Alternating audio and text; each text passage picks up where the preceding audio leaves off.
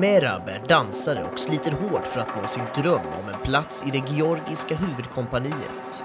Men hans tillvaro vänds upp och ner när den karismatiske Irakli plötsligt en dag dyker upp.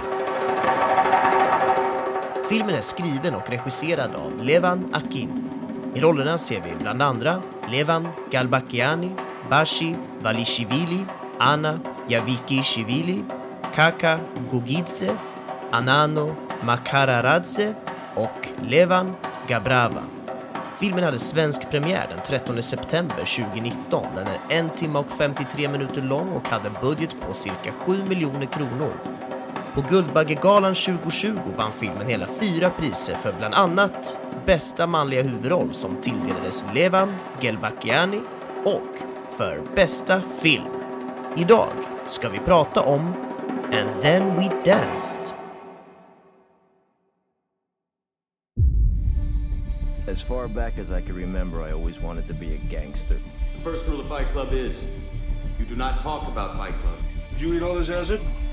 That's right. Music! What is real? How do you define real? More people than you think, and more people each day. This is a world getting progressively worse. Can we not agree on that? Det finns bara ett ord för sådana som du. Och det är ondska. English, motherfucker! Do you speak it? I am the danger. Get away from her, you bitch! Are you not entertained? Are you not entertained? Why so serious? Hallå allihopa och eh, välkomna till ett nytt avsnitt av Spoiler alert med mig Joel Keskitalo och eh, pendlandes från Sverige till Georgien och tillbaka. Fast med cykel för han är inte ett fan av fossila bränslen. Vem, vem fan snackar jag med?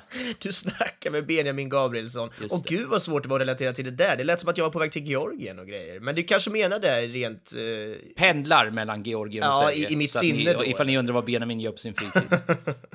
nu i dessa icke-restider också. Ja, Det här är absolut. avsnitt 47 och vi ska snacka om And then we danced. Ja, det ska vi. Sveriges Oscarsbidrag från 2019 Mm. som eh, ja, våran cykelpendlare valde. Så, eh, men berätta, eh, varför valde du And then we danced? Ja, men det var helt enkelt så att nu, nu kände jag att Oscars-svängen börjar, börjar ta slut. Vi har ju Mm. poddat väldigt mycket om Oscars-rull, ja men Oscars-nominerade filmer helt enkelt och nu kände jag att nu, nu är den svängen nästan slut och då vill jag ändå passa Mm. på att lyfta ett finger för de här svenska filmerna som har varit med och tävlat på Guldbaggegalan bland annat, som är ju Sveriges Oscarsgala Mm. då. Så, så att ja, då var det helt enkelt det. Jag, vill, jag ville dra ut det sista nu den här award season Mm. som har varit bakom oss. Ja, för eh, full disclosure, vi har väl båda tänkt att lämna den lite bakom oss nu. Eh, Oscarsperioden. Precis, att det, det kan ju bli såklart att vi kommer lyfta filmer därifrån fler gånger under året. Ja. Men eh, vi är väl båda lite sugna på ja, börja leta lite nytt antar jag. Ja, absolut. Och kanske gammalt också, vilket är roligt. Ja, precis. Mm. Eh, men eh, vi går direkt till spontana då, så du får ta den också. Hur kände du när du tittade på den? Vad, vad tycker du om den? Ja, men det är ju lite svårt att säga exakt vad jag mindes första gången, för jag såg ju den här för ganska länge sedan, precis när den blev, eh, ja men när den kom ut basically. Ehm, och, och så det var ju ett tag sedan. Däremot såg jag ju om den nu då för att vi skulle podda om den och, och då känner jag ju bara wow, liksom, jag gillar verkligen den här filmen. Hela, hela budskapet och tonaliteten är ju verkligen mitt i prick för, för mig och vad jag gillar. Så att det, ja men det var väldigt härlig upplevelse.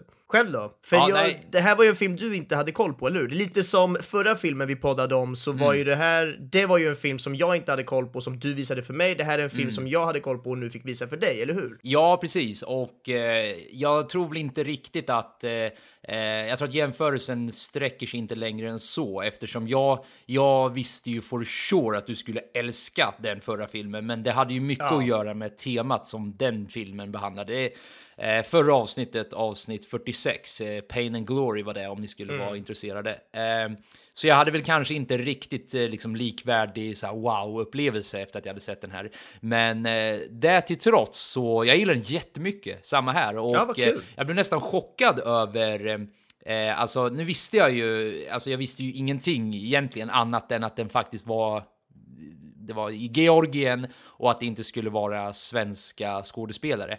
Men trots det så skulle det vara Sveriges bidrag. Så jag såg lite fram emot, jag hade liksom en liten förväntan trots att jag inte visste någonting, liksom, ja, på bara det lilla jag då visste. Ja. Eh, men eh, det är så svårt också att bygga sig någon förväntning på den lilla informationen. Att vadå, Georg, filmat i Georgien och med, med eh, vad säger man, georgianska, kan man säga så? Det lät väldigt bra. Jag har ingen aning om det är rätt Ja. eller inte, men kör på det. Eh, nej, så, så jag hade liksom inte... Georgiska min- kanske. Georgiska, ja, ni förstår vad vi pratar om i alla fall. Eh, så jag blev ändå blown away på ett litet plan. Inte så här att det var så här det bästa filmen jag någonsin har sett, utan snarare att det var en filmproduktion jag var väldigt ovan vid. Eh, dels språket, men också liksom tematiken och ämnet de behandlade och så vidare. Så ja, men det var en härlig filmupplevelse. Inte en blown away-upplevelse, det, det är väl så långt vill jag liksom inte sträcka mig, men en bra, härlig och liksom, ja, en bra film liksom att titta på. Ja, vad härligt. Jag skulle, när vi ändå är inne på det där med, med svensk-georgisk produktion, jag tänker man kanske ska säga några ord om det, för det är ju ändå märkligt det här hur det kan vara Sveriges Oscarsbidrag. Jag kan tänka mig att många är så här, men vadå, det har ingenting med Sverige att göra, det är inga svenska skådespelare, det är inte ens på svenska. Eh, vad, vad, hur är det här Sveriges Oscarsbidrag? Oscarsbidrag? Men det, anledningen är väl ganska simpel och det är just att det är, det är en svensk person som har skrivit och regisserat den här filmen och han har georgiska rötter, alltså han har påbrå därifrån, så att han ville skriva en film som handlade om, om just det här ämnet då. Och sen har ju han då jobbat tillsammans med, med både producenter från, från Frankrike, Sverige och Georgien, men ganska mycket pengar då kommer från Sverige, till exempel SFI, Svenska Filminstitutet och även SVT och andra har varit med och liksom gett pengar till det här projektet. Så att jag, det är väl helt enkelt så det, det fortfarande kan kallas och vara en svensk film, fast det inte känns som det. Så att ja, då har vi det. sagt i alla fall. Ja, kraven är liksom inte att den ska vara svensk, handla om svenskar och utspela sig i Sverige, utan Nej. snarare liksom, ja, det är en svensk producent. Han heter väl för övrigt eh, Levan, Levan, Levan Ak- Akin, va? Eller? Levan Akin, ja, precis, det kan nog stämma. Och regissör och manusförfattare ska vi säga, inte producent, för det är Nej, några andra nej, människor som är. Ja. Sorry, så jag fel eller? Jag tror du sa producent. Ja, jag, jag menar ju såklart eh, regissören, filmskaparen, whatever. Ja. Eh, ja, men det är en fin liten clarification där. Men eh, om vi då dyker in på själva filmen, Mm. och det kan ju vara en liten fin segway här, för nu har vi pratat lite om, ja, vi har redan nu snuddat på liksom själva produktionen, men eh, vi vet ju att det har varit en hel del problem, minst sagt, Ja. eh, vid skapandet av den här filmen. Så om vi dyker in i filmen och vi börjar i den änden, vad, vad finns då att säga om alla problem som har liksom uppstått eh, ja, kring allt det här? Ja, men det är ju väldigt intressant just det här med, med Georgien. Hela filmen handlar ju om, om homosexualitet i ett land där det är förbjudet. Det är liksom inte förbjudet by lag. Det är inte olagligt att vara homosexuell, men det är väldigt många människor i landet som är emot det och det gör att det blir väldigt svårt att vara öppet eh, gay helt enkelt. Jag kan slänga Eh, in ett uttryck här, förlåt, jag kan slänga Mm. in ett uttryck, som eh, kan vara en härlig distinktion av huvudet, att det, det är lagligt, men det är också stigmatiserat. Ja, och verkligen. med stigmatiserat så menar vi ju då, ja, det är inte välkommet, det är liksom, folk ser ner på det, folk tycker inte om det, folk har fördomar och så vidare. Jag ville bara Mm. introducera det som ett begrepp vi kanske kan använda throughout om det blir nödvändigt. Ja, men det är jättebra. Och, och det här är ju just en sån där viktig film som vi pratar om ibland. Alltså där ämnet och landet har väldigt stor betydelse för hela filmens existens. Och då är det ju, tycker jag då, extra viktigt också att filmen är bra.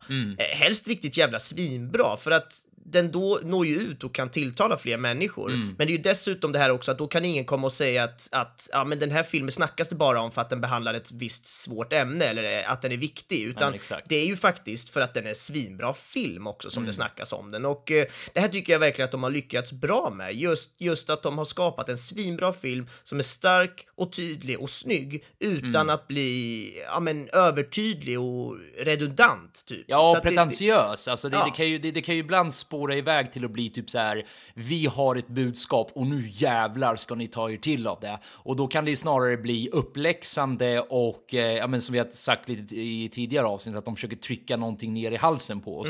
Och sånt där brukar ju bli alltså pinsamt ibland, ärligt talat. Och det beror ju på att filmen, man har liksom inte lagt så mycket tid vid själva filmskapandet, utan filmen har liksom blivit sekundär för det politiska budskap man försöker trycka på. Och då, även om det politiska budskapet budskapet absolut är jätteviktigt så kommer ju det lite i skymundan för att man kommer liksom inte undan med att bara göra ett politiskt budskap och sen en skitfilm ovanpå det, utan man måste ju på något sätt, ja, man måste ju vara genuin i sitt filmskapande trots att man vill att filmen ska berätta någonting viktigt. Ja, verkligen. Och, och det som jag tycker är väldigt imponerande här är att de har lyckats med att göra en sån här svinbra stark film, Mm. trots att de har enorma jävla branta uppförsbackar att jobba mot. Ja. Och det, ju, det har ju liksom inte varit helt lätt det här. Det har ju varit stora kontroverser i Georgien om den här filmen. Mm. Det har varit personer som har försökt stoppa projektet på olika sätt. Folk som Mm. har haft liksom olika ställen de ska spela in på har ju kommit, när de har fått reda på vad filmen handlar om så har ju de plötsligt avbrutit och sagt att nej, ni får inte spela in här längre. Mm. Och det har ju typ varit så här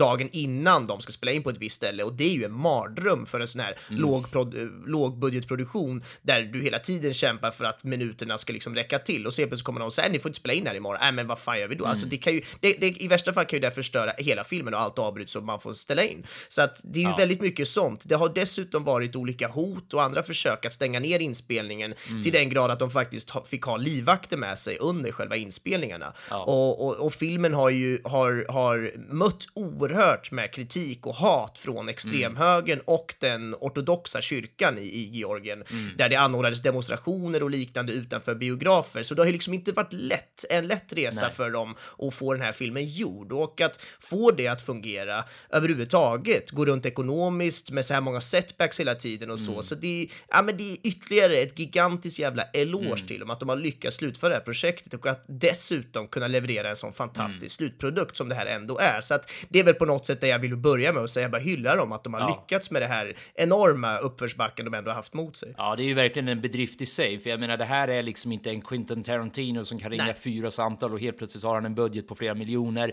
Han kan filma det vart han vill. Han kan basically få de Mm. största skådespelarna han vill. Han har alla sorters rättigheter. Han får göra vilka sorts filmer han vill och så vidare. Eh, Mm. Men det här är ju motsatsen igen. Det här är motsatsen. Jag skulle säga Ja. det. Han kan på något sätt fungera som den ena extremen och det här är den andra extremen. Nästan. Det Exakt. kanske finns ännu värre förutsättningar. Det är klart att det finns det, men jag menar, det, vi, vi nuddar ju på de värsta typer av Ja. förutsättningar när det kommer till filmskapande. Och eh, jag skulle bara vilja fylla på lite vad du sa om vikten med den här Mm. filmen. Eh, att eh, jag har läst lite recensioner som jag brukar göra inför filmer, bara för att få en allmän känsla över hur folk eh, resonerar kring det här. Och jag tyckte det var extra relevant just för att den här hade ett sånt laddat politiskt budskap. Och det som jag slår mig av, nu har jag såklart inte sorterat tiotusentals recensioner, jag kanske har läst ett, jag menar 10-12 stycken kanske. Eh, och det jag slår mig av, i det lilla urvalet då som sagt, det är hur gråtfyllda många av de recensionerna är från människor från Georgien. Eh, alltså den, att det, det är verkligen, det är folk som skriver saker som att jag har försökt att berätta en sån här berättelse i hela mitt liv, men jag blir utskrattad av mina föräldrar, mina kompisar, min släkt, mina lärare.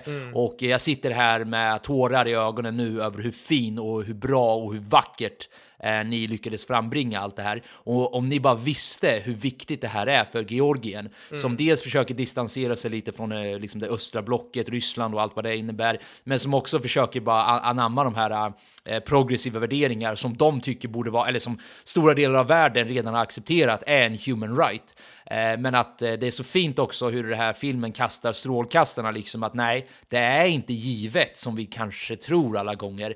Eh, alltså att vi, vi tar för givet att homosexualitet Speciellt i Sverige. Speciellt i Sverige, ja precis. Eh, där det är, jag menar alltså här är det ju inga överhuvudtaget. Det är klart att det finns idioter här och var som liksom tycker det, men det är ju inte en vedertagen attityd hos gemene man som det är i Georgien på samma sätt. Så äh, men man blir fan rörd när man läser sådana här recensioner, hur, hur mycket den faktiskt verkar ha betytt för, eh, ja, men för folket där nere. Liksom. Sen, sen har inte jag gjort några studier och så vidare, Nej, men ni men- förstår vad jag pratar om. Verkligen, och jag, jag tycker det är värt att accentuera just den grejen, för jag har ju nu lyft det här med att det finns otroligt mycket kritik, den har fått jättemycket, du vet, Mm. ja men högerextremister och ortodoxa kyrkor och allt fan vad det är som du vet demonstrerat och bla bla bla. Ja. Men då ska vi också lägga till precis det du säger nu, att det där är ju en vattendelare. Den andra hälften av människorna, jag har inga siffror om det är 50-50 eller så, men du vet, de, den andra delen av pöbeln Mm. så att säga har ju älskat den, har ju hyllat den. Det har ju varit fullsatt på biograferna trots demonstrationer. Det har ju varit liksom precis. otroliga hyllningar från press och andra ställen. Så att det, det är ju verkligen en film som, som har nått fram och gjort skillnad, får vi väl ändå hoppas. Det har vi inte heller några, några eh, resultatsvar Nej. på på något sätt. Men det är klart att det här är ju vad konst kan göra. Det kan skapa reaktioner, det kan skapa diskussioner och sen även kan ju det förändra saker och ting. Ja. Så att det är ja, minst sagt en viktig film i alla fall. Ja, och sen kan man ju faktiskt ifrågasätta om, eh, jag menar, om vi, om vi som sagt lite halvslarvigt summerar upp det som högerkrafterna. Mm. Eh, och alltså man kan ju ifrågasätta deras strategi, för jag tror ju att ett så här, äh, nu förbjöd de ju inte filmen liksom outright, men mer eller mindre, alltså så mycket liksom motstånd de fick och alla protester och liksom från höga instanser, som du säger, vi pratar om kyrkan, vi pratar om organisationer, vi pratar till och med om fucking dansföreningen som de hade tänkt att be om hjälp för att få hjälp med så här koreografi och så vidare, någonting som jag kommer nämna lite mer i trivia sen. Men de har liksom, de har motstånd från ett institutionellt plan. Eh, och jag börjar undra om inte sådana saker får motsatt effekt, för jag menar, det gör ju folk ännu mer nyfikna och tänker wow shit, hur kommer det sig att den här filmen är en sån snackis och vadå? Ja, men det är ju så, varje gång man förbjuder någonting så blir det ju automatiskt lite mer spännande att kolla vad fan det berodde på. Så som sagt, man kan ju ifrågasätta om den strategin som liksom hör hemma mer på ett tidigare århundraden tycker man ju eh, kanske till och med fick motsatt effekt. Ja, verkligen. Men jag hör på din ton nu att du vill gå in på filmen. det skulle vi kunna göra. Det är viktigt det vi har pratat om, men vi ska ju Absolut. såklart diskutera filmen också. Eh, men eh, du får, ta, du får ta bollen och börja dribbla lite med den också då. Så om vi, om vi dyker in på själva filmen och inte de kringliggande omständigheterna, vad, vart vill du börja då? Vad, vad, vad gör den här filmen så bra tycker du? Ja, men en sak som, som jag verkligen gillar med själva filmen är ju hur vi får komma in i Merabs liv, alltså huvudkaraktären Merab. Ehm, vi är ju med honom i allt han gör och det känns verkligen som att vi förstår hans situation, nästan som att vi hör hans tankar. Alltså, Mm, ex- jag skulle precis säga det, vi är Ja. ett snäpp från att höra tankarna. Eller hur? Och, och det, det är ju någonting verkligen imponerande i just det kan jag tycka. Alltså det är ju lätt Mm. att vi som publik inte får tillräckligt med kött på benen här, att man, man inte får den här du vet närheten och, och, Mm. och förståelsen för en karaktärs utveckling. Eller motsatsen, att det blir alldeles för tydligt, Ja, att huvudpersonen typ står och säger saker högt för att vi verkligen ska förstå vad som tänks.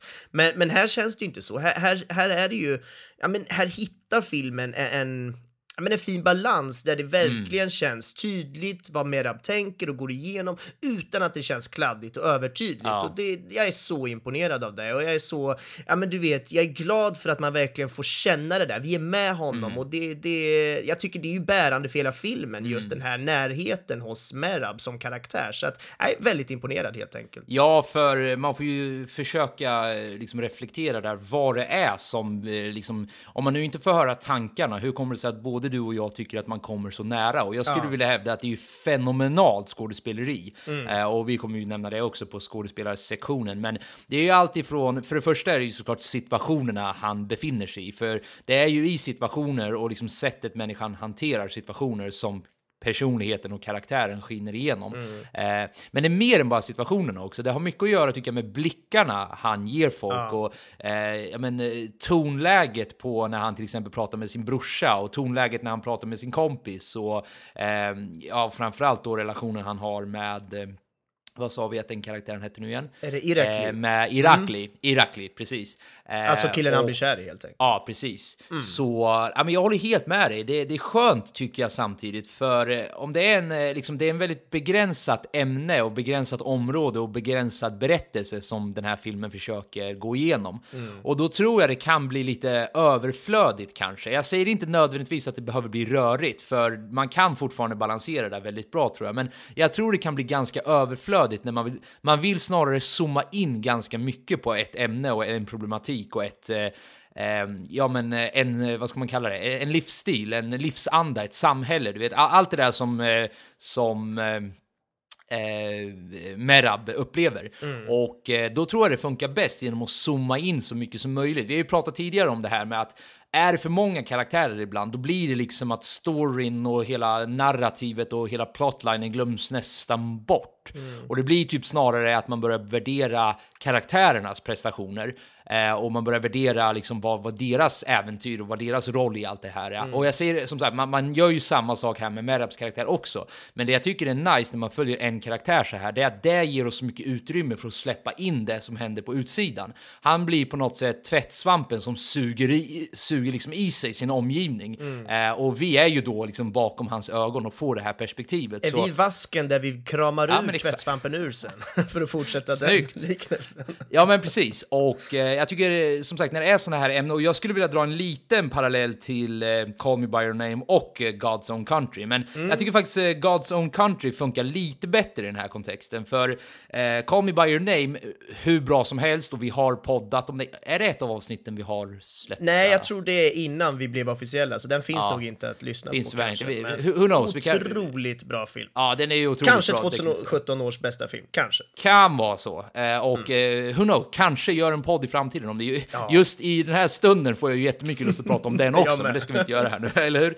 Men, eh, nej, men så, så jag lägger den lite åt sidan och lyfter snarare upp God's Own Country. Och då måste jag ställa samma fråga där. Har vi poddat om den officiellt? Eller är det Jag likadant tror där? också att det kan ha varit innan vi gjorde podden Ja, officiellt faktiskt. Då har, jag inget, då har jag inget avsnitt att referera, referera till, men också en jättebra film. Inte Ja, riktigt i klass med eh, Call Me By Your Name kanske, men it's up there. En riktigt, riktigt jäkla bra film. Mm. Men bara för att då slutföra den här punkten med att det är nice med ett inzoomat perspektiv. Att jag Också fick lite... 2017, förlåt att jag avbryter. Samma år Ja, den som kanske också Call Me var... By Your Name. Ja. Okej, ja. eh, if you say Kul. so. Det visste jag faktiskt inte, men ja. Det, Nej, jag de såg ett nu, Starkt ja. år det året.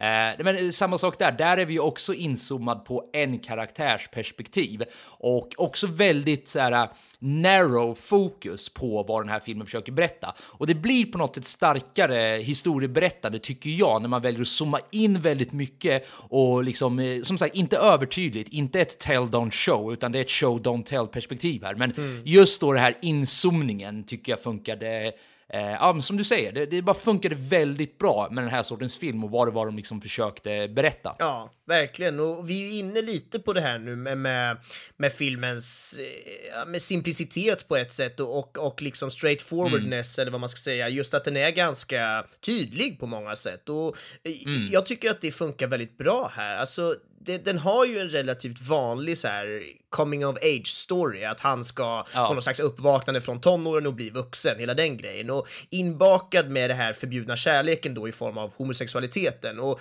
ja, hela filmen är ju eh, ganska förutsägbar ändå. Jag ska, eh, Utan att jag finner det som något negativt, för det är lätt att det låter som det när man säger förutsägbar. Men det finns ju väldigt många filmer där jag vill att det ska vara krångligt och dubbelbottnat och, och du vet att det ska vara just, ja men att den filmen just bygger på att det är djupet och svårigheter som får mig Ja. att fastna där. Men här då i And then we dance, då känner jag inte alls så. Här känner Nej. jag ju att filmen är tydlig och jag gillar storyn Ja. för att den är enkel och eh, ja, men explicit. Den, den känns Mm. ju liksom... Filmen behöver inte krångla till det och den, den, för att berättelsen ska bli stark och rörande. Nej. Och det är väldigt, väldigt bra helt enkelt. Så att jag är imponerad Mm. över det, det, dens liksom så här straightforwardness och tydlighet utan att det känns platt och tråkigt. Ja, man kan ju snarare börja ifrågasätta vad som skulle hänt om den inte var så här tydlig. Ja. Alltså, för jag håller med dig, det finns filmer där det är liksom, eh, där det finns utrymme för twister, turns och komplexitet och allt det här. Mm. Men när du försöker efterlikna den riktiga världen så mycket och ett samhällsproblem som är väldigt uppenbart, liksom, eh, då är det inte rätt tillfälle att introducera överdrivet komplexa element, om du förstår vad jag menar. Utan det är liksom inte det filmen försöker komma åt Mm. Nej, men det är nu. inte Så- Inception liksom vi kollar på. Nej, precis. Eh, och jag menar, som sagt, hade det varit någon... s- Ja, alltså jag kan inte föreställa mig hur... Alltså varför den här filmen skulle behöva vara mer komplex än vad den liksom är.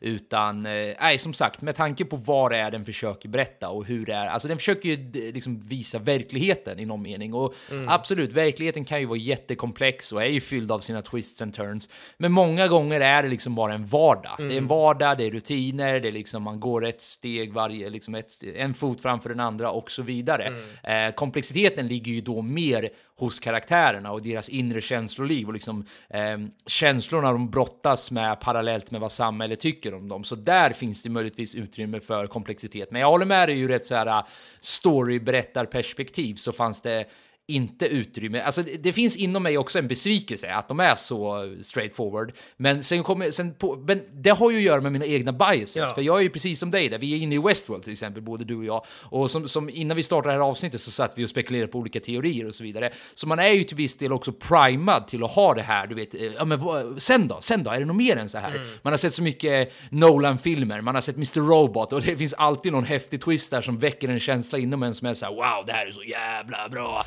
Men man får ibland liksom komma bort från att filmer är filmer, serier, du vet, eh, all sorts storytelling är ju så mycket mer än liksom twists and turns. Många gånger är den starka storyberättandet när man når någon sorts eh, realistisk och trovärdig kärna i liksom riktiga känslomässiga problem.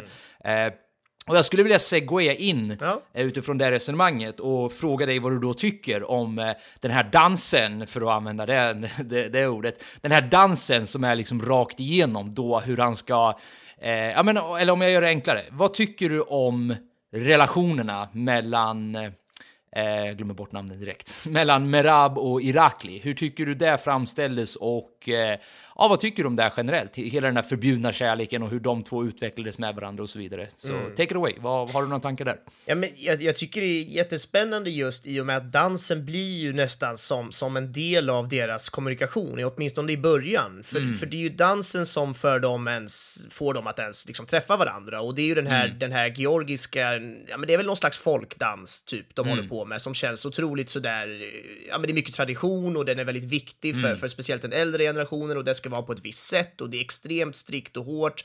Det finns noll sexualitet, absolut ingen homosexualitet, men det är liksom inte ens värt för dem att prata om för att det är så självklart. Så att det, det, det, det är väldigt så eh, mycket som, som är underliggande och viktigt för, för hela det här landet utifrån den här dansen. Så att man då har den dansen då som någon slags eh, gemensam nämnare för de här två karaktärerna som då träffas genom det här. Ja, men det är väldigt spännande för att de börjar ju som, som rivaler. Det, det, I- Irakli då, killen som kommer in strax eh, efter filmen har börjat och, och är så här, ja, ah, tja, jag, jag, jag är nya provdansare, jag är nya som ska bytas, han säger något sånt där, där folk är så här, vadå, E- ersättare, så här, jag är nya ersättningsdansaren, och då är det så här, ersättare för vem då? Och då är det bara så här, ja, det, det vet vi inte, men tänk om det behövs någon, eller tänk om jag är bättre än den som, liksom, det är, det är outtalat, men det är ändå det som ligger i luften, och den spänningen blir ju väldigt eh, påtaglig när vi hela tiden får känna att okej, här finns det rivalitet, här finns det någonting som är mycket mer än en vänskap. I början är det bara en rivali- rivalitet och sen då så utvecklas det till en vänskap och sen då till ännu mer en vänskap. Och jag tycker det är väldigt, väldigt, väldigt spännande hur de har byggt upp det här, ja men nästan narrativet i deras lära känna sig varandra liksom som grej där. Så att jag tycker, ja men hela deras relation och dansen som du är inne på, otroligt spännande och väldigt härligt att dansen har en sån, Ja. sån ja men stark rät linje genom filmens nästan stil och liksom berättarsätt på det sättet. Ja, och det är här jag kan dra lite jämförelser med Call Me By Your Name utan att spoila den allt för mycket eller överhuvudtaget. Jag ska verkligen inte göra det. Men det jag gillar är ju om, om man bara liksom lägger dansen åt sidan lite och bara zoomar in på deras eh, kemi med varandra. Ja. Det jag gillar där är att jag tycker jag ser en sån här klassisk, du vet så här första kärleksvibbar. Eh, och jag tycker jag ser det väldigt mycket. Och återigen, det här är ju skådespeleriet från eh, Levan. Jag tänker inte säga efternamnet just nu, eh, alltså då från Merabs karaktär, att eh, det är blickar, det är du vet så här, man småflinar lite åt varandra, man nyps lite, jag vet inte om de nyp, nypte specifikt, men de rör lite vid varandra, man ser att de båda reagerar på det och jag får verkligen känslan av att ah, det, är, det är så här ny kärlek som är på väg att blomma upp där. Men medan man ser det och medan man tar in insikten av det och hur vackert man tycker att det är, så påminns man ju hela tiden över hur fel det samtidigt är. Så det slutar ju med att jag sitter och tittar och är nervös. Eh, ja, men alltså av uppenbara anledningar. Det här är liksom inte okej. Ni kommer bli straffade för det här och vem vet liksom hur långt det kan gå. Eh, men sen håller jag med dig 100% om att det är så snyggt hur dansen på något sätt är invävt i allt det här. Och eh, då har jag en liten eh, jag vet inte om det är en tes eller om det är en spaning, men det eller eh, en personlig spaning, för jag vet inte alls om det här var tanken med liksom hela ja, narrativet. Men, Vad spännande. ja, men jag, jag ser det lite så här, du vet, dansen, den här folkdansen då, som, den representerar lite som du var inne på, det här med traditionella värden. Jag tror de till och med börjar filmen genom att säga typ så här, what is Georgian dance? Och han säger någonting i stil med typ tradition, eller något sånt där. Och det, det liksom betonas väldigt mycket av att det här är liksom våra förfäders arv och det här är, det ska göras på ett visst sätt och på något sätt så blir hela den georgiska identiteten blir på något sätt representerad i den här konservativa dansen. Eh, där man verkligen håller nere sina impulser, man ska ha en, ha en väldigt, eh, ja, men en väldigt eh, rigid och konservativ och traditionell och väldigt systematiserad och väldigt, ja, men väldigt in, inlåst eh, eh, uttryckssätt. Sen får man ju se... Mm. om inte annat. Ja, as as asexuell också, absolut. Liksom alla, alla grejer du kan tänka Alla dig som, som liksom samlas i, eh, ja, a- allting det där som liksom samlas i den konservativa lådan i det här fallet. Mm. Eh, och eh, de är ju också inne i det här, så de köper ju det. De vill ju bli liksom landets bästa dansare, så de måste anamma de här äh, liksom, traditionella, eh, ja, det traditionella sättet. Och som sagt, jag ser den här traditionella dansen också som en symbol för det traditionella samhället. För de säger ju också att det, det, det här är liksom Georgiens själ och allting. Det, det är jättemycket betoning på att den här dansen representerar det urgamla Georgien. Och då tycker jag det är liksom lite bittersweet hur det liksom utvecklar sig under filmen. För som sagt, eh, våra huvudkaraktärer och då framförallt Merab, eh, Merab, hur säger man det? Merab eller Merab? Merab, jag tror de har mer betoning på Merab. e där. Ja. Merab eh, och eh, Irakli och allihopa egentligen är ju helt inne i det här bara för att du vet, de har ingen val egentligen. Men man ser att de som personer är inte åt det hållet, utan de, de tenderar att vara mycket mer åt det progressiva hållet, trots att de inte är liksom all full-blown, liksom, ja, okej med homosexualitet och allting. Eh, det får man ju se liksom i umgängeskretsen sen när de driver med honom och bara ah, du är en jävla bög och allting. De är ju skitelaka mot honom. Men därför tycker jag det är så fint sen i slutet, i den absolut sista scenen, när Merab då börjar dansa, ja men om man nu ska bara slänga det uttryck, mer feminint. Eh, och där han verkligen alltså, om dans nu är en uttrycksform för din personlighet och din själs liksom egentliga röst, eller du vet hur folk nu vill beskriva det, det finns jättemånga beskrivningar på vad dans är för någonting. Då ser jag det där som på något sätt at the end of the road för honom, att han började i början av filmen, eh, att han accepterade, han kanske inte tyckte om det, men han accepterade de här konservativa värderingarna som var inbakade i då den ja, traditionella georgiska dansen. Men genom filmens utveckling och genom att han då faktiskt blir homosexuell så tvingas han ju ur den här eh, konservativa traditionella georgiska dansen. Så i slutet så har han ju gått hela resan eh, och då gör han ju mer uttryckligt för att det, det, det är så här min själ känner egentligen. Och då gör han ju den här, ja som sagt den här fem, så kallade feminina dansen. Och man ser ju också där hur de reagerar på det. Eh, att danslärarna tittar skeptiska på honom tills de till slut säger basically att det här är inte georgisk dans utan det här, vi borde, jag tror de säger någonting i stil med att vi borde hugga av hans händer. Och gubben går ju sen. Och gubben går ju, ja, precis. Och för mig är det där uh, the ultimate act of rebellion från hans, eh, från Merabs eh, point of view. För jag menar, han och hans släkt och alla han känner är så jävla inne i det här. Så att ta det där steget, att verkligen säga nej till någonting som hans föräldrar, hans förföräldrar, hans bror, jag vet inte om hans brorsa kanske höll på med det. Men vadå, förlåt?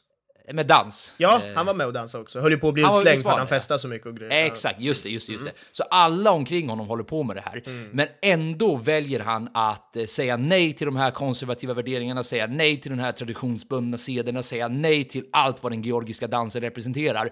Och istället anamma då de mer progressiva värdena av öppenhet, tolerans, Eh, ja, men eh, om man nu bara ska zooma in det, okej med homosexualitet och så vidare. Så man kan ju tycka att det är en ganska fin konklusion på filmen. Man kan ju tycka att det är jättevackert att han gjorde hela den här resan och att han, du vet, han lärde sig, ja, han, han, har släppt de konservativa fjättrarna. Men jag kan ändå inte, jag, jag lämnas ändå när jag ser filmen Där av, hade som man ju kunnat satt punkt. Vad spännande nu att du tar det här Exakt. ett varv till. Vad kul. Vad har du Joel? Ja, nej, men kul, kul att du tycker Ja. det. Nej, men alltså, för jag, jag, jag, bara, jag bara försöker eh, säga min känsla jag hade efter. Mm. Och det, det, jag hade en bittersweet känsla där, för det, det var ju sweet på något sätt att han personligen kunde göra den resan. Men det är ju samtidigt så jävla bitter att han går ju fortfarande tillbaks till ett samhälle som absolut inte accepterar det där. Och som sagt, de accepterar det på ett juridiskt plan, absolut. Men de gör det inte på ett socialt plan. Och at the end of the day så är det det som spelar störst roll, skulle jag vilja hävda.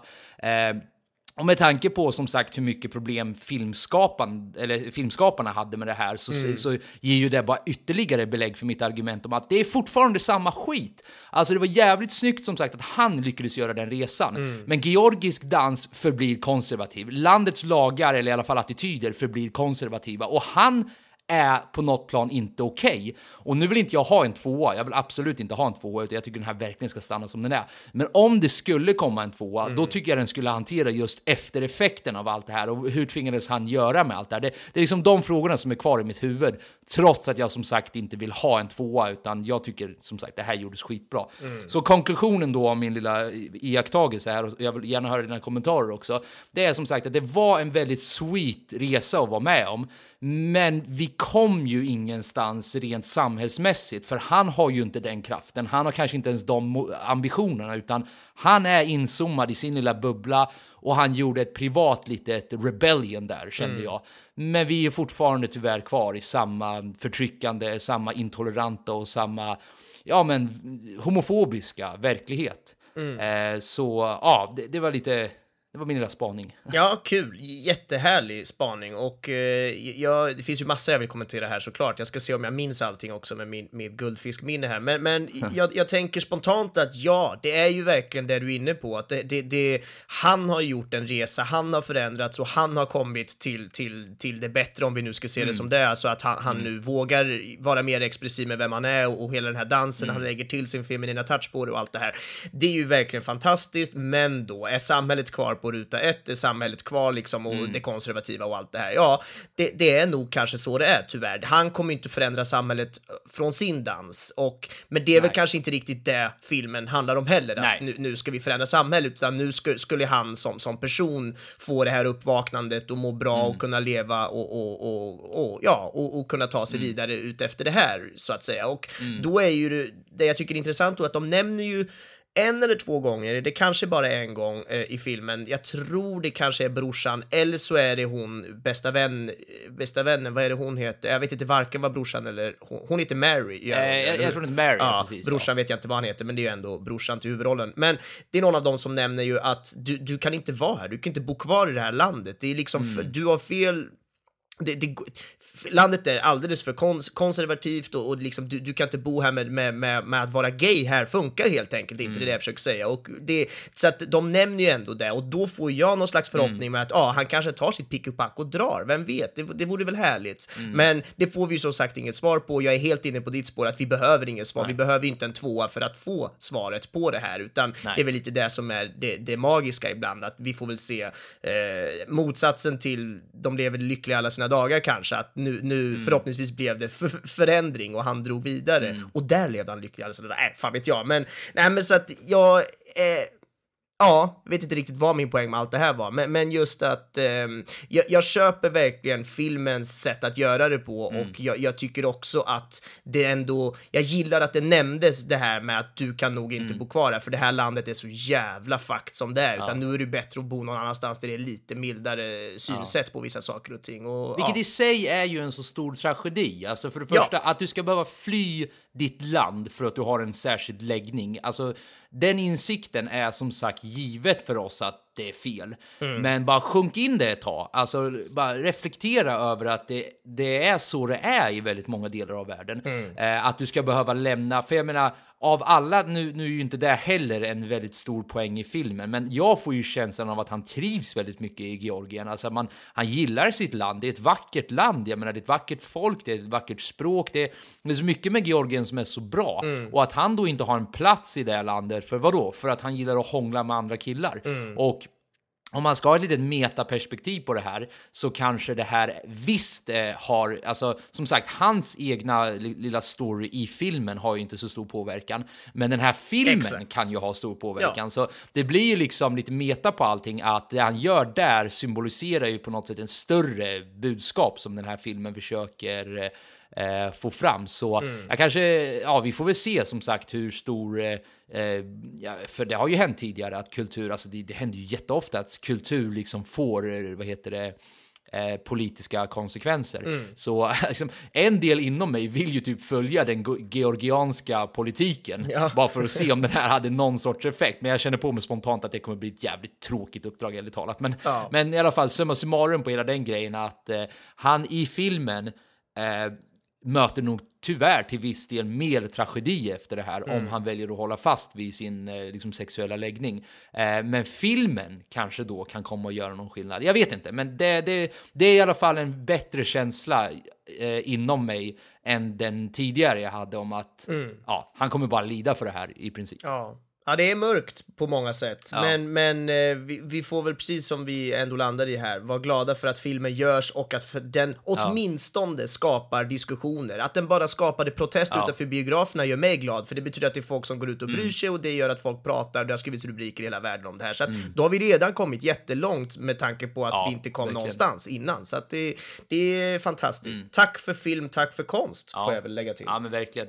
Eh, och jag kanske ska förtydliga där en grej, för nu, nu, nu tror jag att eh, det kan ha blivit lite luddigt vad jag, vad jag menade där i slutet med det här med politiken. Att, för politiken har ju, det är ju lagligt som sagt. Ja. Eh, det är ju attityden som behöver förändras och Ja. där känns till och med faktiskt som ett lättare uppdrag än att ändra lagar och politik. För attityd får man ju av media och kultur och ja, allting som är omkring en liksom. Och det här är ju en del av det. Så eh, ja, det här kanske kan vara en ögonöppnan, ögonöppnare på individuell nivå om inte annat. Vi får hoppas det. Jag hoppas Ja. att så många som möjligt ser den här filmen, även folk som hatar den. Men det är ju tyvärr det de Ja. inte kommer göra. Men man kan ju hoppas. Nej, tyvärr, den får man ju liksom tvinga på folk kanske. Men eh, jag har inte så mycket mer om själva filmen tror jag. Har du något mer du vill eh, eh, slänga fram? Nej, inte spontant så där som jag tänker på, utan jag skulle nog kunna gå över lite tekniskt om Ja. det är det du lutar mot. Ja, exakt. Eh, jag tycker att vi rör oss dit i så fall. Så det tekniska då, vad, vad har du att säga där?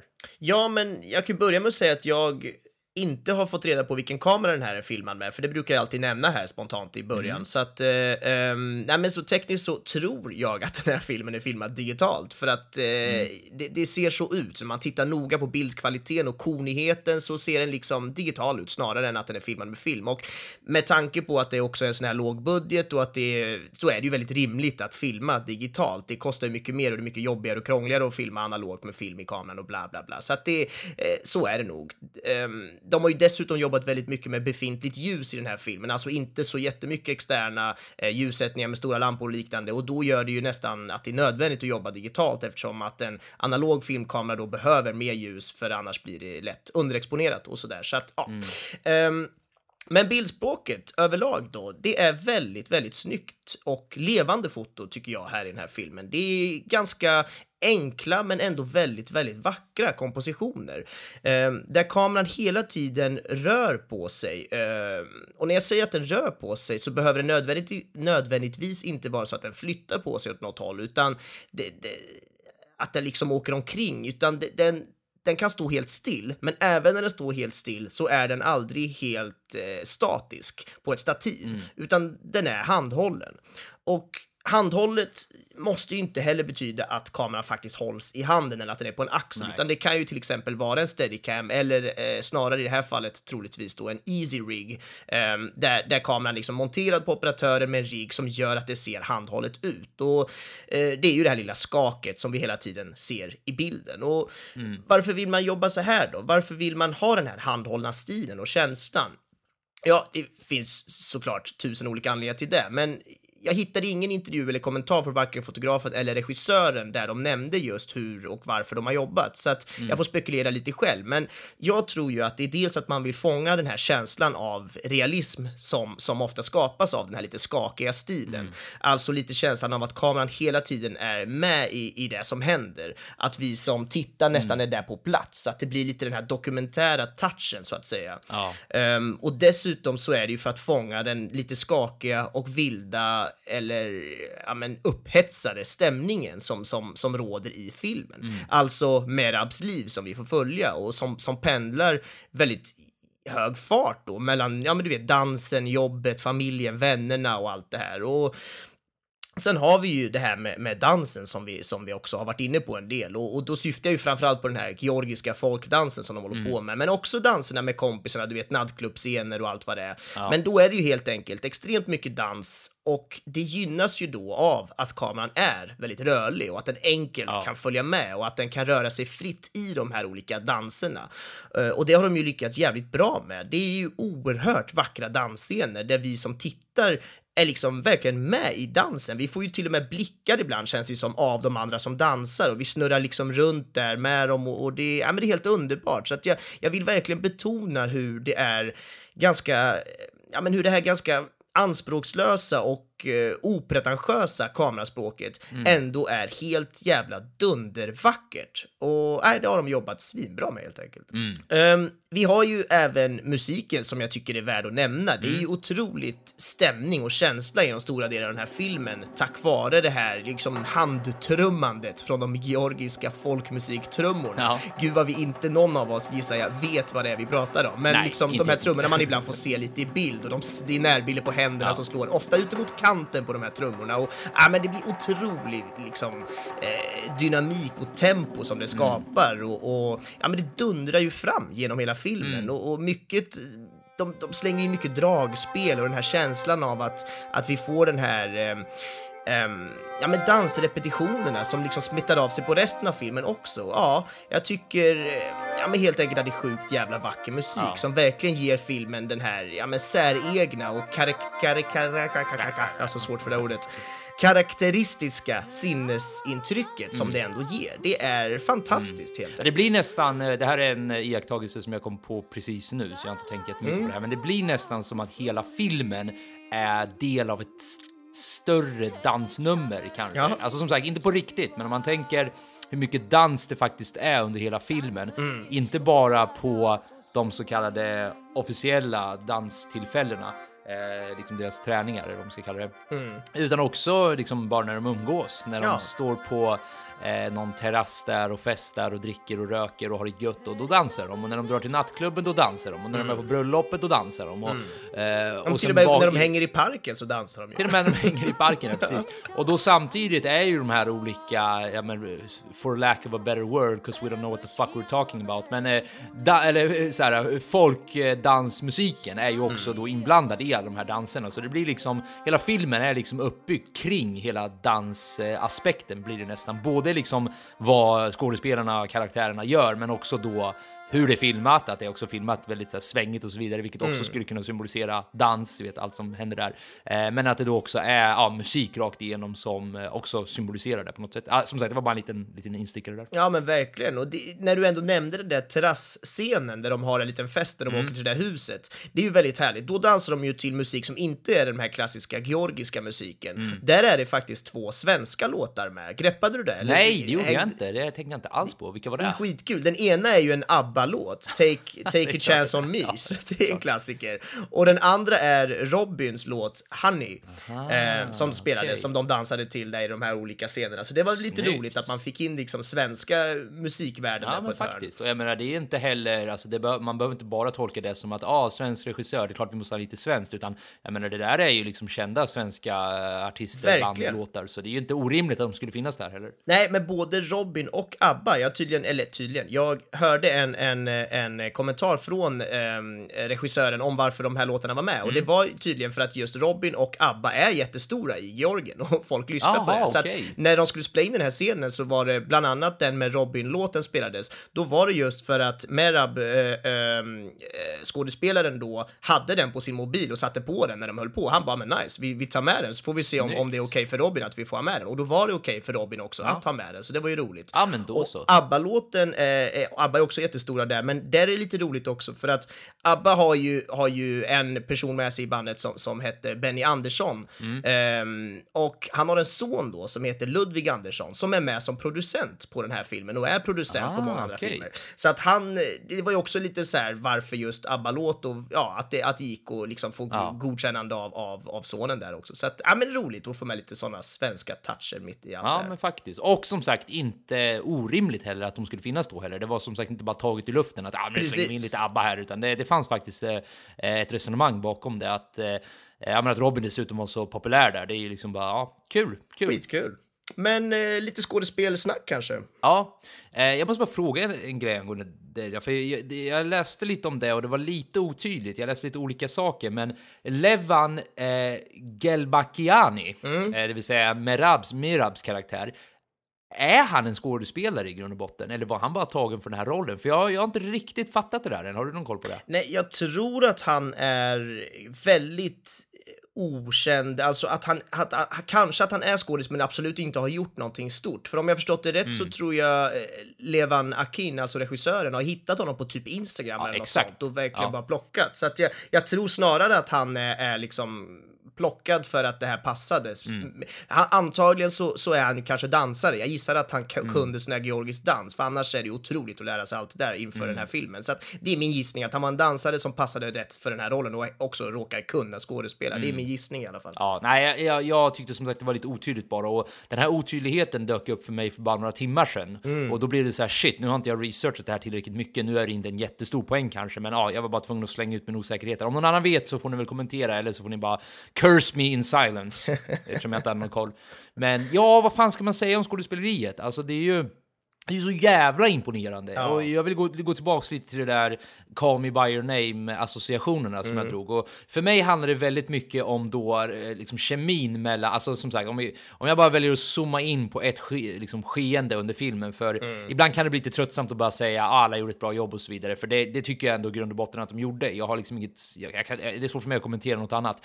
Men om jag då ska försöka zooma in lite så skulle jag vilja lyfta Merabs och Iraklis prestationer med varandra. Och då vill jag ju lyfta fram den här liksom, eh, den här, eh, vad heter det, nyförälskelsen.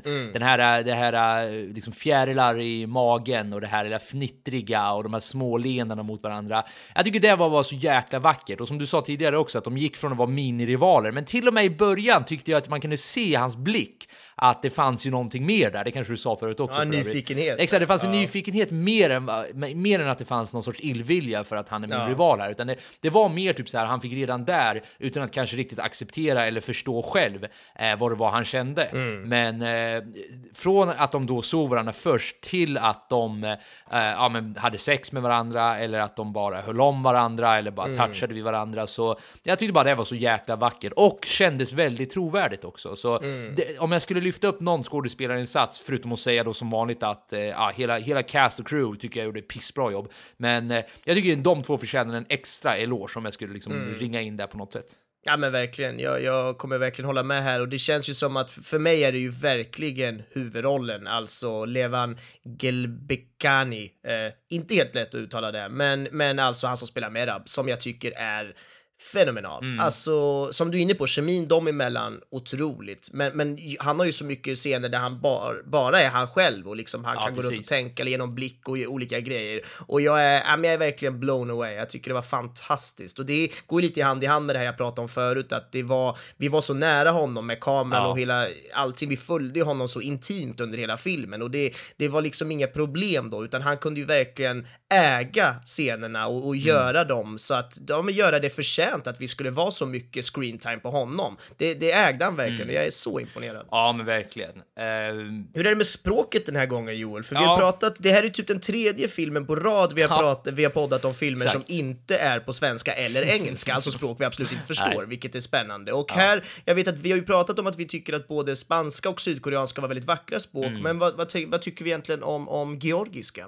Ja, men det är ju samma sak här. Alltså, jag tycker det är ett otroligt vackert språk. Alltså, och jag tror det här kan, eh, för nu, har jag, nu är det tredje gången i rad jag säger så, att eh, wow, vilket vackert språk. Men jag, jag, alltså, jag tycker inte att det är falskt. Alltså, det, det är inte så att jag sitter och försöker leta content här till podden. Det kanske jag också gör, men jag tycker legit att det bara är vackert för örat. Och jag tror, jag tror att mycket har att göra med att jag själv försöker bryta en lite egen bubbla jag har. Eh, och det är ju en bubbla vi har pratat tidigare om att eh, vi har liksom stora stygga USA som mer eller mindre dominerar västvärldens kultursektor. Det kan man ju ändå säga. Eh, När, och- speciellt när det kommer till film, ja, får vi ändå Ja, när det kommer till filmer, Ja. när det kommer serier, när det kommer... Ja, det, det är ju alltså... Mm. Och när jag säger dominera, då menar jag inte att de är ensamma, såklart inte. Men jag menar, en stor del av eh, ens entertainment, ja. Ja. du hör att jag ens använder ordet entertainment säger ju säkert en hel del, eh, kommer ju från USA och då blir det ju Ja. det amerikanska språket som sagt. Så det känns på något sätt som att för mig, varje gång jag bryter den bubblan så blir det en ny insikt på något sätt att wow, shit vilket vackert språk. För först så var det så med koreanskan, sen var det så med spanskan och nu är det så med georgiska.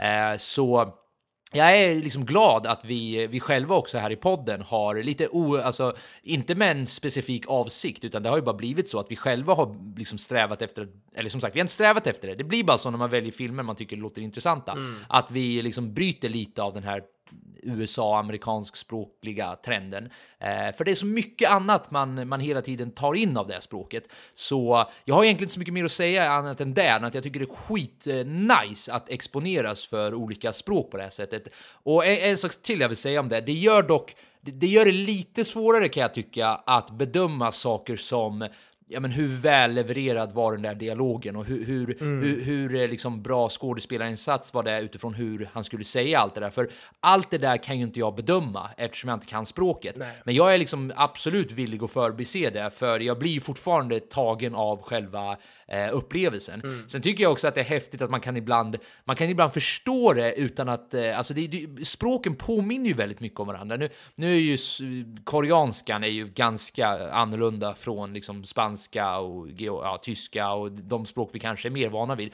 Men jag, och jag har inga specifika exempel här nu, men jag minns till och med i georgiska att jag, jag tyckte jag kunde höra, ja, ah, men där har vi liksom ett ord som jag kan se kopplingen till, eh, ja, men till svenska eller tyska eller spanska eller de europeiska språken liksom.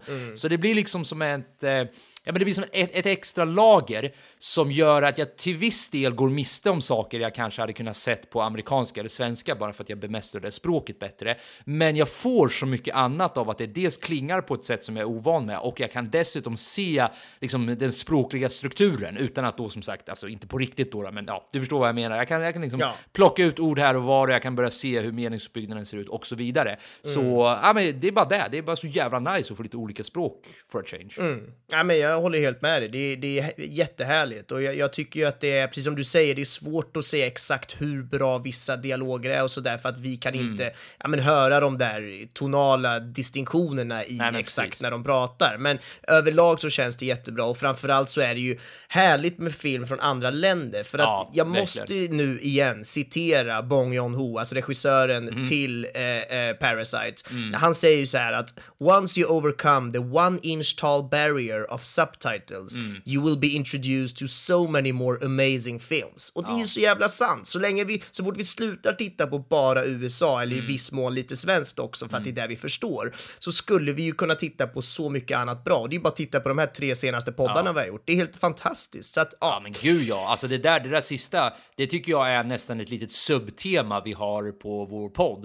Eh, eller så känner jag personligen i alla fall, Mm. för jag menar alla de filmer som du framförallt brukar lyfta, nu, nu har jag specifikt Victoria i mitt huvud. Ja. Alltså det, är, det, den kan vara topp 10 av alla filmer jag någonsin har sett och jag hade jag hade Tysk nog produktion, ja. aldrig, exakt, tysk produktion. Jag hade nog aldrig sett den. Och man ska aldrig säga aldrig såklart, det kan ju ha hänt. Men då är det ju bara slumpen. Ja. Eh, utan den här podden hade jag nog aldrig sett den, ärligt talat. Eh, så jag tycker verkligen, och ni lyssnare får väl eh, höra av er vad ni tycker om det här, men jag, jag tycker verkligen att det blir, eh, ja men som man säger, alltså jag har aldrig haft ett problem, alltså när jag väl får en film framför mig där de säger du ska se den här, ja, är den på vilket språk som helst så kommer jag se den. Men barriären ligger snarare i att jag inte aktivt söker upp sådana filmer. Och jag känner väl att vår podd har ett sätt att eh, dra ner den barriären för mig mer och mer, för nu blir jag ju mer pepp på att pitcha, ja men Pain and Glory till exempel. Nu, nu var ju det också av en anledning att den handlade väldigt mycket om film, men den var ju liksom spansk och ja, hur bra som helst, hur bra som helst. Och så jäkla kul som sagt att som du säger, att det inte bara har med själva språket att göra, utan det kan till stor del också ha med produktionen att göra och att man då kan sitta och eh, ja, men kolla på lite nyanser här och jämföra lite och sådär. Så Nej, jag, jag tycker eh, att vi kanske dessutom, eh, ja, vi, vi går ju, om ni undrar vår liksom, process här, vi går ju lite efter det vi känner för. Eh, men jag tycker det är nice också, och vi kanske borde, kanske borde liksom, försöka ännu mer med det, att hitta eh, flerspråkiga filmer, eller inte flerspråkiga, det är inte fler i samma film, men eh, andra, vad ska man kalla det, andra språk än amerikanska. eller, ja, ni precis. förstår, än engelska. Vad är det bästa icke-engelskspråkiga film heter väl eh, scha- kategorin på Oscarsgalan till exempel. Ja, men exakt, Li, lite mer åt det hållet då. då. Eh, Men eh, ja, så, ja, that's it. That's it, så är det. Men Ja. Mm. eh, med allt det sagt så är vi ganska klara med, med det här. Ska vi göra någon slags avrundning? Ja, du du kan ju det här bättre än vad jag, så ta, ta rodret Joel. Nej, men eh, du menar ett slutord och sen favoritscen Ja, efter det? det är precis det jag Eh, menar. Men ja, vi har ju det- bara gjort 47 avsnitt, så hur ska jag komma ihåg det? Plus fler till och med, med den här strukturen också. Men ja, det är inte lätt alla gånger. Nej, men, exakt. Nej, men, ja, men vad ska vi säga? Det är ju en, in, en väldigt inzoomad, väldigt så här, trovärdig, realistisk och relevant eh, Ja. eh, film och då kampen mellan eh, konservativa värderingar i ljuset av en homosexuell kärlek och vilka liksom eh, riktiga värdenkonsekvenser den fick också. Så skitbra film i sig, men också kul vilken riktig världspåverkan den fick också. Det, det tror jag är en bra summering från mitt håll. Ja, jättebra. Jag, jag instämmer till fullo och kan väl bara lägga till där också att jag blir ju så kär i en film som håller på så mycket med, med, med du vet, tekniska finesser och den här hade ju inga jättetekniska finesser så, men ändå ett kameraspråk som jag tycker eh, stod ut på ett, på ett väldigt härligt sätt. Ehm, nej, fantastiskt. Så är det bara. Jag lyfter eh, sista scenen som min favoritscen och eh, det har lite att göra med det där resonemanget jag pratade om förut, det här med att dansen blir på något sätt en symbol för eh, Mirads eh, utbrytande från de konservativa, traditionella, georgiska, du vet, värderingarna och allt det där till då att bli mer frispråkig och följa hans egentliga luster och egentliga liksom eh, karaktär. Eh, som vanligt finns ju säkert tio andra scener jag hade kunnat lyft, men jag tyckte att den, den fungerade perfekt för mig på någon sorts eh, Eh, ja, med ett sorts ihopknytande, knutan, knytande, knutande, knytande. Ja, det där har jag så svårt för. Ihop, Fråga fel person. Ja, ni förstår. When you tie up a sack. ah, ja, det där förvirrade säkert ännu mer. Säcken knöts ihop, okej? Tack, där, där, där sätter vi punkt. Ja. Nej men eh, jag eh, håller ju med. Det, det, det finns så många man skulle kunna välja. Bröllopsscenen är ändå den jag kommer att Mm. gå till här och då är det specifikt när Merab går omkring där bland alla gästerna och han till slut hamnar i samma rum Mm. som Irakli. Det är ju en otroligt lång och häftig steadicam-tagning där när, när kameran liksom går efter Merab i alla de här rummen med olika personer, känner liksom grupp grupper av människor som, som, som antingen pratar, dansar eller ja, men typ bråkar tror jag de gör i något rum. Och det, det är bara så här, ja men otroligt häftigt. Och så är det så spännande ljussättning i de här olika rummen där, där det hjälper oss att förstå de här olika personligheterna. Det kan vara liksom väldigt mörkt ljus i ett rum och väldigt grönt ljus i ett annat rum, samtidigt som det då korrelerar med, med, med vad de gör i det rummet. Och, ja, och när han väl sen landar i, i det sista rummet så är det ju ett helt underbart möte där mellan, mellan Merab och Irakli där de pratar och kommer fram till saker. Och, ah, det är starkt, snyggt och fint helt enkelt och där fångar man mig. Så, så är det. Ja, men härligt. Men eh, då ska vi röra oss lite mot trivia, det vill säga lite roliga fakta om den här filmen. Och det är inte så mycket roliga fakta. Eh, alltså, strap yourselves in, för nu kommer lite av det vi pratade om tidigare. Eh, Okej, så filmen fick så pass mycket dödshot att de var tvungna att ha livvakter under inspelningen. Jag tror du nämnde det lite Ja, tidigare det. också. Mm. Eh, alltså, vi pratar att, ja, som sagt, livvakter under inspelningen Ja. för att de är så dödshotade. Så, ja, Otroligt. Låt det sjunka in. Eh, filmens danskoreograf valde dessutom att förbli anonym och därför syns hen inte i credits. Det kan man ju nästan förstå lite grann med tanke på att du precis nämnde döds, dödshot i meningen innan. Så jag menar, det finns anledningar att vara rädd i det där landet, tyvärr. Ja, precis. Och som du sa förut också att Levan Akin, eh, det vill säga filmens regissör, hittade Levan Gelbakiani, eh, det vill säga huvudkaraktären, på Instagram. Exakt, vilket ja. var lite lustigt. Eh, och eh, ja, nu blir det bara mörker nästan. Eh, filmen möttes med starka protester som mynnade ut i våld när de först skulle visa filmen i Georgien eftersom landet fortfarande har en stark anti, ja, bla bla bla. Eh, trots det här så sålde filmen ut under de första tre dagarnas visningar i landets huvudstad. Så ja, som sagt, vi, vi har nämnt väldigt många av de här trivias, eh, men jag, jag vill bara ändå ha det sagt i mer ja, standardiserad form. Eh, Levan Akin inspirerades att göra filmen när han såg ett klipp av ett eh, gay pride-tåg i Georgien som attackerades av då homofober och högerextrem och så vidare. Det här gjorde att han besökte landet och började prata med medlemmar ur landets LBGT-community som lever där under ständiga hot. Eh, så ja, det var hans inspiration. Eh, och eh, på samma not så var Levan Gelbakiani, som sagt huvudkaraktären, han var från början inte intresserad av att spela in filmen på grund av ämnet och hur det här sen skulle komma att påverka honom eftersom han lever ju i Georgien. Eh, så det är liksom ändå rationella rädslor de här typerna har haft och många, många krävdes nog en hel del övertygelse innan de var ombord. Eh, och Ketty Daniela, filmens producent, berättade i en intervju att kulturministeriet och protektionsmonumentet av Georgien. Eh, det där kanske var en mouthful, men Monument Protection of Georgia står det på engelska och jag försökte ju en bra översättning, men ja. Eh, de i alla fall, de nekade att finansiera resan till Cannes Film Festival som den här filmen då blev nominerad till, eh, där den skulle ha premiär. Och eh, det här var ju på grund av att filmen visade homosexuell romans, var deras alltså, officiella förklaringar. Det, det är därför, som sagt, vi pratade om det förut, det här är institutioner som säger det här. Det här är inte individer bara som så här, han är galen, utan det här är föreningar liksom. Eh, och eh, på grund av det här så var det väldigt få personer som då var associerade med filmen som kunde komma iväg på den här eh, premiären. Det var basically bara huvudproduktionen och huvudskådespelarna. Som de dessutom då fick betala ur egna fickor. Ja, du ser. Och eh, ja, hörni, det, det fortsätter nästan bara så här, så jag drar en sista här. Men filmskaparna bad i början om hjälp av det prestigefyllda, och nu ska jag se om jag kan uttala det här, Sukishvili Georgia National Ballet. Som sagt, ni får ursäkta mig här. Är det Men typ nationalballetten eller vadå? Ja, det är Georgiens mest prestigefyllda statsägda dansorganisation. Mhm, Eh, och eh, de ville ha hjälp av dem i och med att det är en dansorganisation och det är den största och så vidare. De nekades direkt all form av hjälp och blev tillsagda att, citat, homosexualitet existerar inte i Georgien. Wow. Otroligt. Företagets chef hörde sedan av sig till övriga dansföretag i Georgien och sa åt dem att inte samarbeta med filmskaparna, vilket kraftigt förhindrade Ja, det filmutvecklingen. är sjukt. Men Det är då sjukt. är vi ju som du är inne på, det är liksom inte politiskt, men det är ju typ politiskt. Alltså det är ju på, det är på den ju typ nivån att det är ja. så Ja. mycket mer än bara några idioter som tycker någonting. Precis. Eh, Och det är allt jag har. Jag är ledsen att inte kunna lämna det här på en mer positiv note, men det kanske är viktigt snarare att eh, eh, ta till sig av det, det mörka här. För ja, det var fan med en uppförsbacke för de här stackarna och det är, det är ju verkligen props måste jag säga till eh, Levan Akin. Levan Akin, jag vet inte hur man uttalar det, men ja, filmproducenten och manusförfattaren och hela Regissören. gänget egentligen som ändå, regissören, förlåt, nu sa jag producent igen ja. eh, att ändå liksom power through alla hinder och allting och ändå få det gjort Mm. för eh, ja, som sagt, de var ju, det, det var verkligen inte lätt, Nej. verkar det som. Så är det. Eh, men eh, jag har inget mer på trivia, utan låt det där sjunka in lite och eh, så rundar vi av där, eller vad säger Det du? tycker jag, verkligen. Ska vi berätta lite vart vi finns? Vi finns ju där... Ja, men du, har, jag trodde du skulle påpeka där, vi har ju inte nästa filmen ju. Oj! Helt rätt! Vad kul! ja. men du ser, jag ska ju Ja, inte ta det här rodret, jag säger det. Nej, exakt, det ska du inte göra. Jag skulle faktiskt bara testa dig och se om du skulle komma ihåg det eller inte.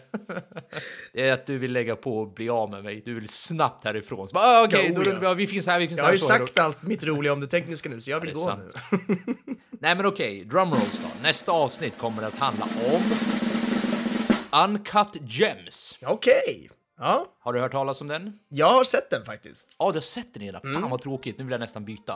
Men jag har inte sett den, så jag, jag kommer fortfarande vilja se den. Ja, absolut. Eh, men Uncut Gems, alltså Adam Sandler har jag förstått. Ja, det stämmer. Han gör Ja. ju en, en jättegrej där som, som, som eller grej, men han gör ju en, en roll som många säger är kanske bland det bättre han har gjort, så det är ju spännande. Oj, spännande. Ja, Mm. mer än så vet inte jag om den, annat än att jag såg den på, alltså att den finns på Netflix, så den är ju enkel att komma åt på det sättet. Ja. Men nu får du berätta vart vi finns. Ja, vi finns där poddar finns. Ehm, ja. men alla möjliga podcast-appar, Ja. så är det. Och ehm, det viktigaste är väl Facebook.